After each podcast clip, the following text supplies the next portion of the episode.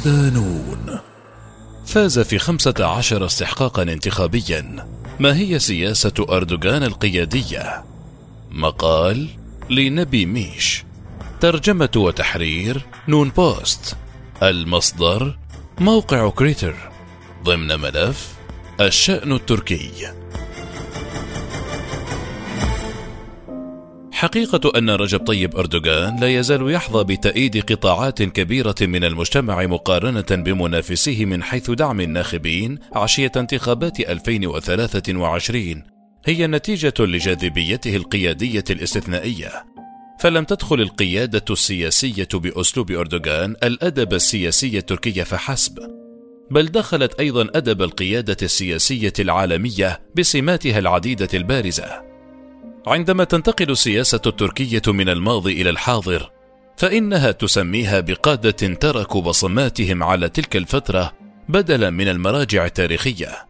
فعند ذكر فترة أتاتورك وفترة مندريس وفترة أردوغان فإن هؤلاء القادة يستحقون هذا الاسم لأنهم تركوا بصماتهم على حقبهم الخاصة.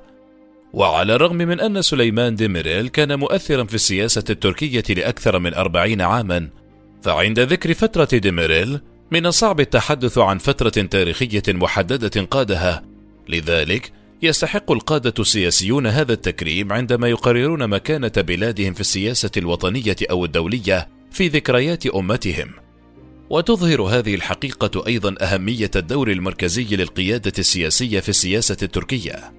في العلاقة بين القادة السياسيين والمجتمع، هناك العديد من المتغيرات المختلفة مثل الكاريزما القيادية والخصائص الشخصية والأساليب السياسية والمهارات ووجهات النظر العالمية والهياكل الأسرية ونظام القيم الفعالة. وتعتمد كاريزما القيادة على موهبة منيت من خلال قرارات القادة وسلوكياتهم السياسية بمرور الوقت. وبهذا المعنى تعتبر القيادة عاملا محددا حيويا في القرارات المتخذة بشأن القضايا الاقتصادية والاجتماعية والعسكرية والسياسة الخارجية، وفي حل الأزمات الناشئة عن المشاكل الوطنية أو الدولية، وفي قوانين العمل في السياسة والمؤسسات، وفي النهاية في الإدارة. وتعد جزءا من عمليات التغيير. وعندما ننظر إلى السمات العامة والحاسمة للقادة الذين تركوا بصماتهم على فترة من تاريخ الديمقراطية في تركيا فسنجدها تشمل العلاقات التي أقاموها مع المجتمع وأسلوب السياسة الذي أظهروه في تشكيل سلوك الناخب والعزيمة التي كشفوا عنها وعمليات التغيير والتحول وقدراتهم الإستراتيجية على حماية وحدة وسلامة الحزب الذي كانوا زعماء له.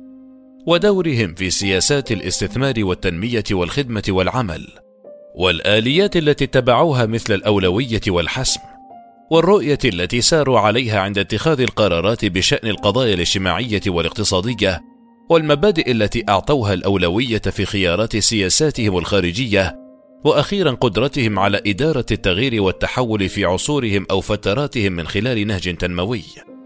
ويتمتع القادة الذين يمكنهم الجمع بين معظم هذه الصفات في أنفسهم بمكانة استثنائية في السياسة التركية.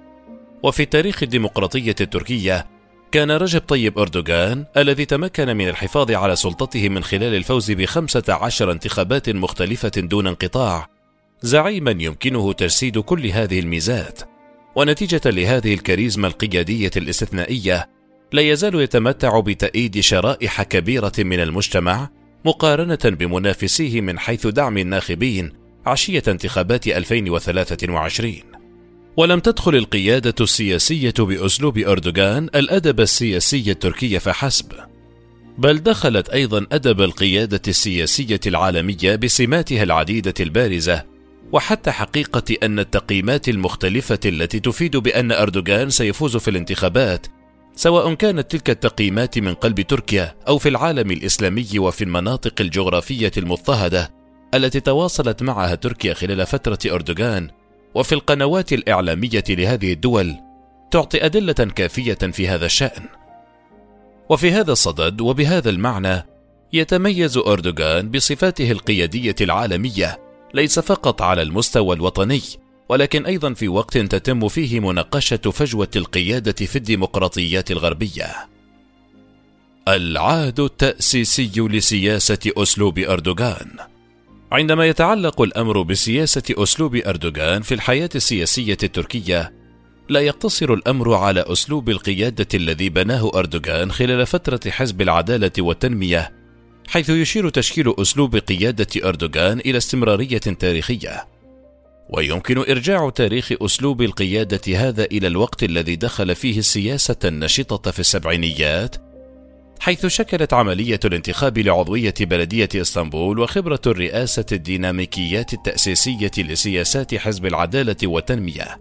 ولا تزال القضايا الواردة في المقال الذي ناقشت فيه أهمية ولاية أردوغان لرئاسة البلدية بالنسبة لسياسات حزب العدالة والتنمية في العدد التاسع والعشرين من مجلة كريتر في نوفمبر 2018 صالحة. وفي هذا السياق فإن تلخيص بعض القضايا المذكورة في المقالة المعنية وتذكيرها سيسهل استنتاجات اليوم. تمثل انتخابات بلدية إسطنبول في السابع والعشرين من مارس 1994 انفصالا مهما في الحياة السياسية لتركيا.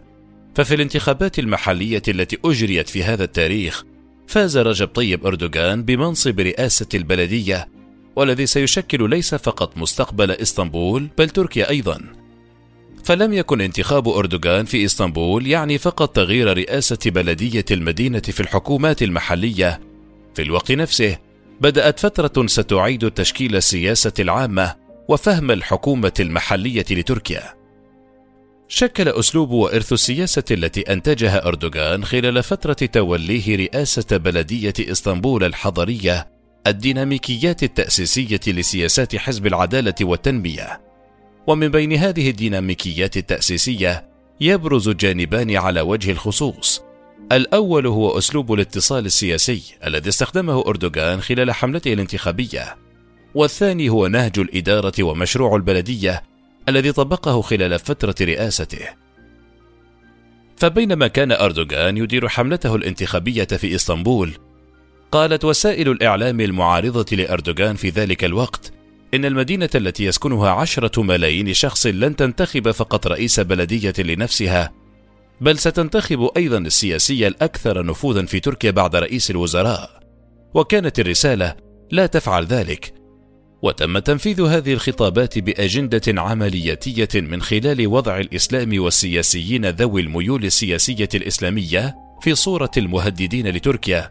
وتم وضع جميع أنواع السيناريوهات القذرة موضع التنفيذ لمنع انتخاب أردوغان.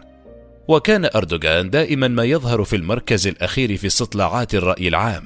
تغلب أردوغان على المقاومة وحملة التشهير التي كانت ضد حزبه وضده شخصيا من خلال تجربة اتصال استراتيجية جديدة والتي تركز على أسلوب التواصل وجها لوجه وتؤدي إلى نتيجة تتصدر العناوين الرئيسية وإلى السلطة. واستمر أسلوب الاتصال السياسي الذي استخدمه أردوغان في انتخابات إسطنبول في ذلك الوقت خلال فترة حزب العدالة والتنمية أيضا. وفي انتخابات بلدية إسطنبول عام 1994 بدأ أردوغان بالوصول إلى سكان حضريين جدد في مستوى الدخل المتوسط الأدنى حيث لم يكن لأي حزب تأثير قوي من قبل. وتعتمد هذه الاستراتيجية الجديدة على التواصل وجها لوجه مع شرائح مختلفة من المجتمع وخاصة الطبقة ذات الدخل المنخفض. وفهم لم يسبق تجربته من قبل. أردوغان الذي يذهب إلى أبواب الناس ويتواصل معهم يشرح مشاريعه ويعود بالخدمة. ويبرز بسهولة عن منافسيه.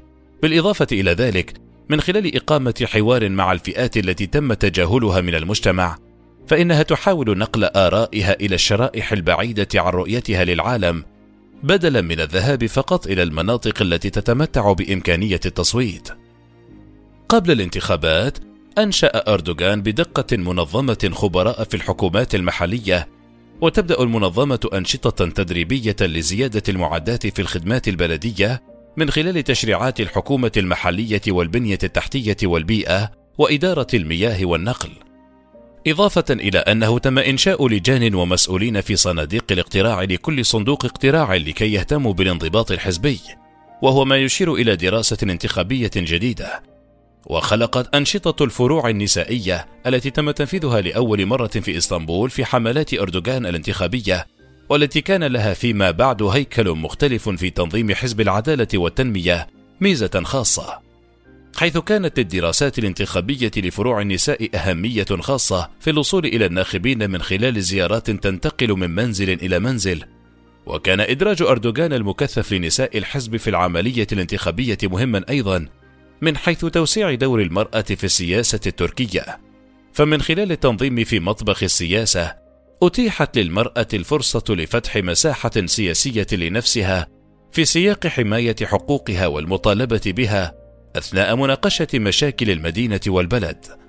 وتم تطوير عقلية الإدارة وبلدية المشروع التي طبقها أردوغان خلال فترة رئاسته للبلدية واستمرت خلال حكومات حزب العدالة والتنمية. فعندما بدأ العمل في إسطنبول، أعلن للجمهور أنه سيحسم مشاكل المدينة وسيقدم مقترحات الحلول والمشاريع. وعندما تولى حزب العدالة والتنمية السلطة في نوفمبر 2002 واجه نفس المشاكل التي واجهها عندما كان عمدة في إسطنبول، ولكن هذه المرة في جميع أنحاء تركيا.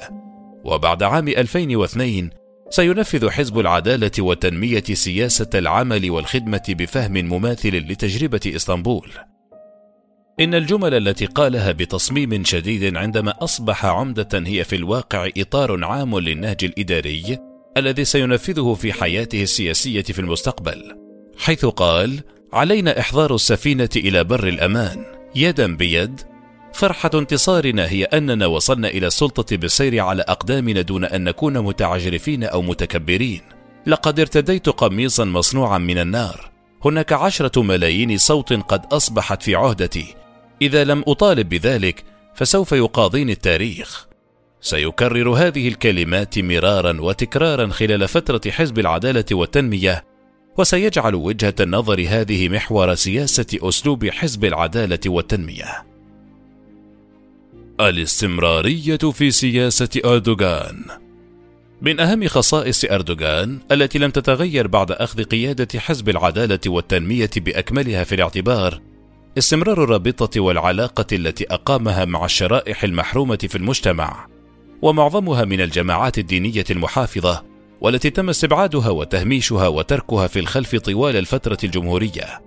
في هذا السياق صاغ أردوغان سياسة من خلال مراعاة مطالب وتوقعات غالبية علماء علم الاجتماع الاجتماعي ووضع عوالمهم ذات القيمة والإيمان في مركز هذه السياسة.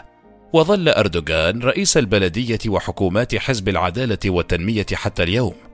في سياسته التي تركز على المجتمع وعلى حساسية أولئك الذين يشكلون بيئة ذلك المجتمع. في هذا السياق لا تزال آراء نور فيرجن أحد علماء الاجتماع المهمين في تركيا والتي حلل فيها علاقة أردوغان بالمجتمع في عام 2004 في جريدة تركيا جونلوغو ما زالت صالحة وذات أولوية دائما حيث قال تم استبدال المناطق الريفية في تركيا بضواحي تركيا من حيث الحسم الاجتماعي فإن ادعائي هو أن رئيس حزب العدالة والتنمية يجب أن يحفز آمال هؤلاء الناخبين من حيث كونه مترجما لآمالهم. هو إذا جاز التعبير مناسب تماما. إنه الرمز الجديد الذي يتناسب تماما مع هذا الملف الانتخابي الجديد لتركيا والذي ترك بصماته على السياسة بسبب الحي الذي كان يعيش فيه وتعليمه القادم من الطبقة الوسطى والقيم التي يمتلكها ويمثلها ونمط حياته وتزويج أبنائه زواجا مرتبا ووزنه العددي. إن الصعود الفردي الذي مر به يزين خيال الملايين الذين لديهم نفس الخصائص الاجتماعية مثله، ولكنهم لم يصلوا إلى المستوى الذي وصل إليه، فهو يمنحهم الأمل ويشجعهم. إن شخصية طيب أردوغان وقصة حياته ليست نتاجا للعالم الافتراضي الذي أنشأه أولئك الذين يتعاطفون معه، ولكنه الدليل الحي على أن النجاح ممكن. وعلى الرغم من أن أردوغان أعطى الأولوية للتغيير والتحول في تركيا عند تأسيس حزبه، فإن ما كان يعنيه التغيير هنا لم يكن الامتثال لمطالب بعض جماعات القوة الأوليغارشية بحسب أردوغان. يمكن أن يستمر التغيير من خلال حمل قيم الحضارة والمجال التاريخي الذي ننتمي إليه، وجعل من الضروري إدارة السياسة على أساس أخلاقي وفي هذا السياق يمكن تحقيق التغيير والتحول من خلال أسلوب سياسي ملائم لمتطلبات العصر من خلال متابعة التغيير والتحول في العالم ودمجها مع قيم الحضارة. من أهم سمات أردوغان التي لم تتغير في أسلوبه السياسي أنه لا يساوم على أصالة سياسته التي ترتكز على المجتمع. فخطاب أنا لم أنخدع في السياسة ولا أنخدع هو الطريقة التي يعبر بها أردوغان عن هذا الواقع وعلى الرغم من انتقاد أردوغان لدفء الموضوع عندما عبر عن مشاعره أمام الجمهور وفي هذا السياق عندما عبر عن بعض خطاباته برزت هذه السمة الخاصة به كسمة عززت مصداقيته وأصالته.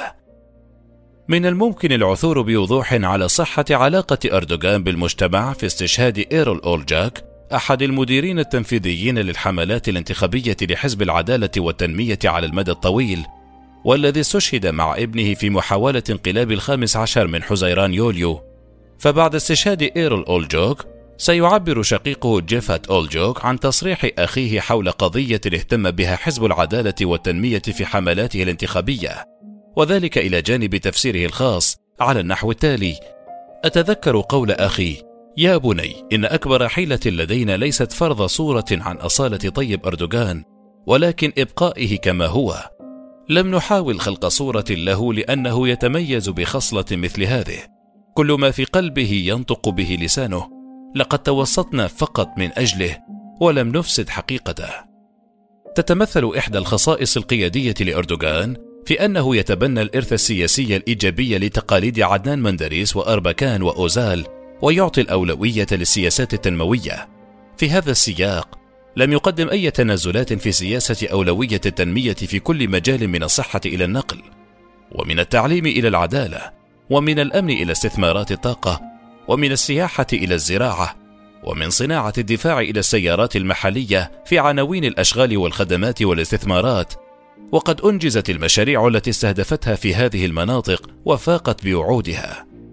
من ناحية أخرى فإن قضايا مثل حل المشاكل الحالية مع الإصلاحات المستمرة في سياسة أردوغان وتحييد العقبات التي يواجهها بسياسة النضال وتجديد شرعيته الاجتماعية من خلال الذهاب إلى الاستفتاءات والانتخابات حول القضايا التي تتطلب مصالحة اجتماعية هي من بين السمات البارزة لقيادة أردوغان.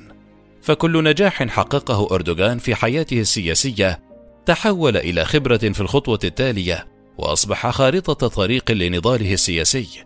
وفي هذا السياق ومن خلال تحسين مهاراته في التعلم السياسي فقد قام بتحييد محاولات الانقلاب المعطلة ضد سياساته والأزمات الكبرى مثل إغلاق حزبه.